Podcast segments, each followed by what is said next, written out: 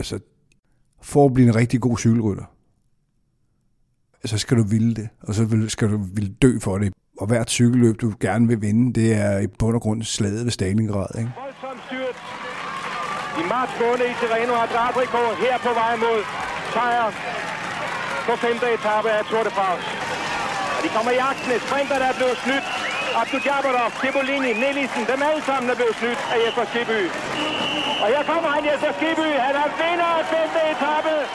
Det der med at vinde en etape turen efter kranjebrud er selvfølgelig kæmpestort og, og, og, og står som noget helt specielt. Men jeg har vundet tre etapper i Vueltaen, alt i alt. Og jeg kan huske, det jeg faktisk er mest glad for, det er den etape, jeg vinder i Palma de Mallorca, ikke? Fordi det var kuperet, og så at slå Skandri og Steven Roos. Ikke? Det er den etape, jeg er mest glad for.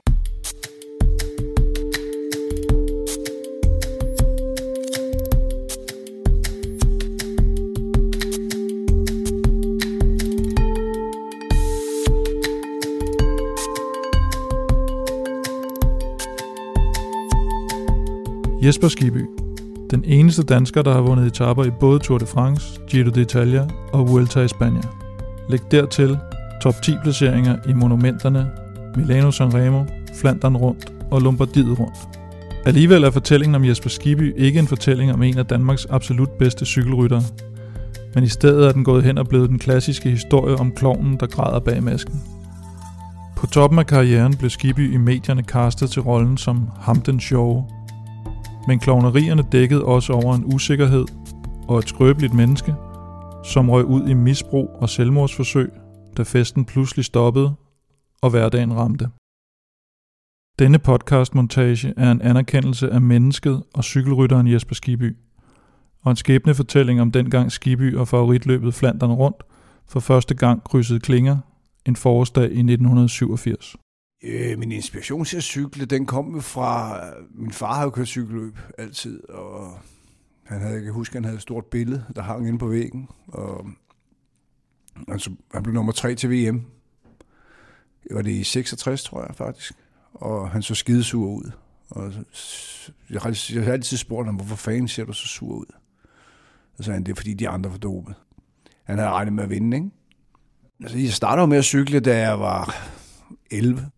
Jeg vil så sige, at mine forældre har aldrig ligesom sagt, at jeg skulle køre cykelløb, eller pace mig til at køre cykelløb. Tværtimod. Jeg har altid prøvet at spille fodbold og håndbold, og været pisse dårlig til det, og det har faktisk ikke, det interesserede mig faktisk ikke. Altså, det gjorde cykelløb egentlig heller ikke, da jeg startede med det, det skal ikke være nogen hemmelighed. I relation til, til resultater, det var mere kammeratskabet. Men med tiden får resultaterne større fokus, og da Jesper Skibby er i starten af 20'erne, rejser han til Belgien for at begynde en profkarriere hos Roland-mandskabet, sammen med Brian Holm og Bjarne Ries. Jeg havde ikke den store kontakt med Bjarne på det tidspunkt. Øh, men Brian har og mig har jo altid virkelig været gode venner, ikke? Og der spurgte han, om jeg kom ned og køre og skulle se det her Roland-hold, og så kom jeg derned. Jeg, kan huske, at jeg kom op til Fik Kersmarkers, øh, hvad hedder direktøren for Roland, som smed nogle papirer foran mig. Og så kiggede jeg på dem, og så, så sagde jeg, hvad så så, jeg jeg, der stod 70.000. Så tænkte jeg, det skulle da sikkert fint. Det er, det er rigtig mange penge, ikke, dengang. Og så, øh, så skrev jeg bare under. Det var så Belgier Frank, ikke? Det var sådan lidt noget lort. Kun et par år efter ankomsten til Belgien, helt præcis søndag den 5. april 1987, står Jesper Skiby så i en lille forstad uden for Antwerpen og gør sig klar. For når klokken slår 10, skal den 23-årige Skiby køre sit allerførste Flandern rundt det, der er så fantastisk ved, ved rundt, det er den der citron, der er. Både blandt tilskuere og også holdene. Det, man skal huske på, det er jo, at utrolig mange små belgiske hold også deltager, og deres eksistens afhænger meget af Flandern rundt. Så der er det der pres, og den der citron, og den der forventning, og det er, det er faktisk rimelig ubeskriveligt. Det er helt unikt. Alle belgier derude og kigge, ikke? Så jeg stod i 87, og så tænkte jeg, ved du hvad? Jeg kan ikke vinde det. Men jeg kan da komme i udbrud. Jeg kan da prøve at komme i udbrud. Men bare det at komme i udbrud i Flandern rundt er jo enormt svært. Men altså, på en eller anden mærkværdigvis så lykkes det mig sgu. Altså, jeg var godt kørende. En det er vooral så kørte vi, og lige pludselig sad vi, også, sad vi der og glodede, ikke? Og tænkte, fuck. Og så, så døde den sådan set, ikke? Øh, så kunne man mærke, at feltet, de har fået nok, ikke? Bare efter 25 km på angreb, på angreb, på angreb. Og så, ja, så slog vi simpelthen hul. Jeg kan huske, at jeg tænkte, det er, det er rigtig godt for holdet, kan jeg huske, jeg tænkte. Fordi det er jo, nu er der i udbrud, og, og så sidder jeg og regner timer og siger, okay, så kan jeg... De der 18 minutter, jamen okay, de kan ikke nå at hente os inden for, hvad kan man sige, fjernsynet begynder, det vil sige, så har vi noget eksponering, og du ved, det, man søgte det der klap på skulderen for Roland, altså der var det jo, Roland Skala var det jo fantastisk bare at kunne sidde derude, ikke? Jeg tror faktisk, det var op af Kvarmon. Pludselig så kørte jeg alene, og øhm, så var han væk. Så jeg, jeg vidste da hele tiden godt, at det var da en, en, en umulig opgave, jeg var kommet på. Ingen tvivl om det. Feltet begynder at nærme sig bagfra, og Jesper Skiby nærmer sig en stor udfordring, legendariske Koppenberg. En 600 meters brostensbakke med en gennemsnitlig stigningsprocent på lige under 12, og visse steder op til 22 procent. Jeg havde ikke faktisk ikke engang kørt ruten øh, før Flandern rundt. Øh, jeg kendte ikke Koppenberg. Øh, jeg tænkte, nå jamen det må... Øh. Men jeg var så smadret. Jeg var så træt. Og feltet, de, var, kom, de kom bare blæsende. Det vidste jeg også godt. Og så jeg, jeg skal bare over det, det der Koppenberg. Og så kan jeg, dreje jeg til højre ind på det. Og så kigger man bare lige op i himlen. På et brustensbelagt helvede. Og så, så tænkte jeg, ved du hvad, jeg bliver nødt til at køre ud i, der, sidder, der, der, der er sådan en rende ved siden af, hvor der ikke er brosten. Og så må jeg bare se, om jeg kan komme op. Det Skiby, som vi har her på vej op ad den berygtede brulagte stigning ved Koppenberg. Der er blot 69 km tilbage af det lange løb, og danskeren har været i udbrud i over 100 km. Et udbrud, som han startede sammen med belgieren Ludus Jurgers. Men her er Skiby alene, og se, hvad der sker. Ærligt. Jamen, jeg kunne ikke komme op. Jeg faldt. Og lige pludselig, så, så lå jeg faldt, og lige pludselig kom der bare en bil, så kørte den hen over min cykel, så nåede jeg lige at flytte foden. Og jeg, jeg kan bare huske, at jeg råbte, hvad fanden laver I? Så på dansk tror jeg faktisk. Men det hele det gik så stærkt, ikke? Kom blæsen. Nogen løb, fordi Koppenberg er så stejl. Altså, er den lille smule fedtet, så løber folk. Og så prøvede jeg at tage min cykel, og så var jeg fuldstændig smadret, og så var der lige pludselig en, der tog min cykel. Så nåede jeg heldigvis at få fat i styret, og så løb, han løb op for at, det var simpelthen for at hjælpe mig op ad bakken. Så vi løb sådan to, en tilskuer mig med min cykel, som var fuldstændig smadret, ikke? Så ja. At det der med reservecykler og sådan noget, det kunne jeg da godt glemme alt om. Så det havde de da ikke. Så jeg så, så stod jeg op på toppen af Koppenberg, og så stod jeg bare og kiggede på den der cykel, der var fuldstændig smadret. Altså, og tænkte, nå, så, hvad, hvad så? Heldigvis for Jesper Skiby stod der en dansk journalist på toppen af Koppenberg. Han eskorterede både Skiby og den smadrede cykel til målområdet i Merbække, hvor Claude Criquelion nogle timer senere kørte først over stregen. Men episoden på Koppenberg skulle vise sig at få konsekvenser. Bronson var super glad, fordi de fik en masse eksponering. Det, er jo, det var den fedeste eksponering ever. Og jeg kan huske, at jeg øh, faktisk sagde, hvad skal vi ikke lægge sagen mod øh, på at køre over den der, der smadrede cyklen?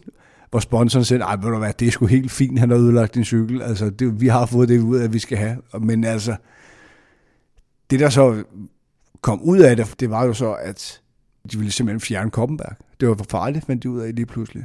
Og der var faktisk nogle belgier, som blev rigtig vrede. Ikke? Og også på mig. Det havde jeg jo egentlig ikke så meget at gøre med, men altså... Øh, bund og grund synes jeg også, det var synd at fjerne det. Men de, fjernede simpelthen Koppenberg på grund af de massive skriverier, der var om det her, at de kørte over, at den der bil, der kørte over med cykel. Men Jesper Skibby skulle få revanche i Flandern rundt. Og i årene efter den bemærkelsesværdige episode, kørte han sig til hele tre top 10 placeringer og en 11. plads i verdens måske mest prestigefyldte endagsløb. Altså Flandern rundt har altid været, ja, altså, har altid været et fantastisk løb for mig, og er det stadigvæk, og det er i min optik det største endagsløb, der findes. Jeg synes, det er så fedt at køre. Jeg synes, det var så fedt med de mennesker. Jeg synes, det var så fedt med den måde, den blev kørt på. Det, så det passede mig faktisk rigtig godt. Kørte jeg på TVM på det tidspunkt, ikke? Fik øh, Van Petegem på holdet, som boede der simpelthen, som ville vinde Flandern rundt. Så, og det hjalp også mig til ligesom at blive bedre hele tiden, fordi han vidste, så kører du herhen, og så jeg altså følger ham mange gange, ikke? Altså, hvor kører han hen? Fordi jo, belgierne vil jo slå ihjel, de vil jo sælge deres egen mor for at vinde det løb. Det, det, det eneste, de satser på, det er Flandern rundt, og så er det fuldstændig ligegyldigt med resten af sæsonen. En Museeuw in het wiel. Dan Peter hem toch nog altijd een beetje link, een beetje verstand. En Van den Broeke. Maar kan dat nog? Van den Broeken of Van Petegem normaal. En Van Petegem die gaat Van den Broeken voorbij. Maar daar komt Museeuw ook nog. Graagt hij er Nee, nog? nee. Johan Museeuw, ik denk Van niet. Het is eh. Van Petegem, jawel. Van Petegem, Van den Broeken wordt nog tweede. Derde Johan Museeuw. Det lykkedes for Jesper Skibys kaptajn Peter van Petegem at vinde Flandern rundt i 1999 og 2003. Skiby kom selv en enkelt gang rigtig tæt på sejren, nemlig i 1995. Det, jeg kan huske, der, der, der sad jeg virkelig og tænkte, den kan jeg vinde. Men så punkterede jeg faktisk to steder på nogle rigtig dårlige tidspunkter. Og det er jo igen charmen med løbet. Det er jo de uheld, der også sker undervejs. Det er det der med, at man, man må aldrig give op. For man kan komme tilbage igen. Man kommer tilbage igen. Altså det er hele tiden, det der med at sige, Nå, nu er det kørt. Det er der ikke noget, der hedder. Fik jul af mine holdkammerater, og, og så blev det splittet ad, blev det samlet igen. Så kommer man op igen. Men der havde jeg, der havde jeg diamanter benene, kan jeg huske. Der var, der var jeg rigtig godt kørende. Der tror jeg faktisk, jeg kunne i hvert fald have blevet en top 3. Det vil sige, altså hvis det ikke var sket, men altså hvis og hvis. Til slut måtte Jesper Skiby dog se Johan Museev køre først over stregen, og selv tage til takke med en 6. plads. Hans bedste placering nogensinde i Flandern rundt. Det er et løb, han stadig følger med i, men nu for tv-skærmen ligesom de fleste af os andre. Og hvad er så Skibys forventninger til dette års Flandern rundt? Nå, men nu er jeg jo jeg farvet en lille smule af...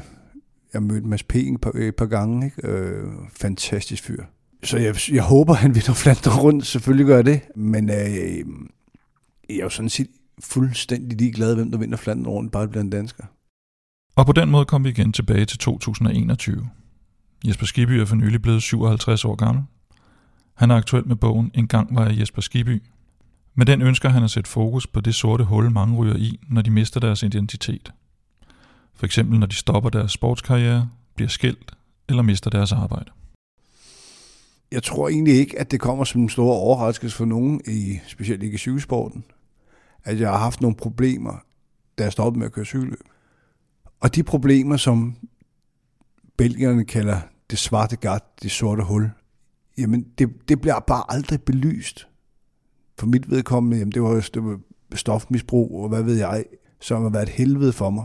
Og det har været et helvede for mig at, at lære, hvad kan man sige, samfundet at kende. Jeg tror bare, det er vigtigt at fortælle, det er ikke kun cykelsportsmæssigt, det gælder alle sportsgrene. Det gælder i bund og grund også, om det er erhverv, eller hvad ved jeg. Det er, at man mister en identitet. Og det er jo det, lige meget om det er i dag, eller om det var dengang, så kommer man til at miste en identitet.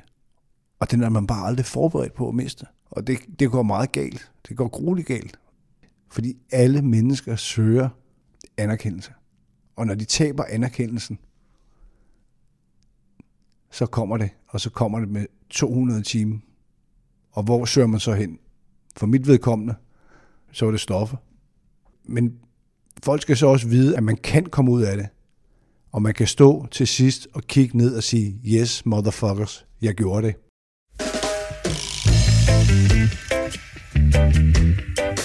Thank you.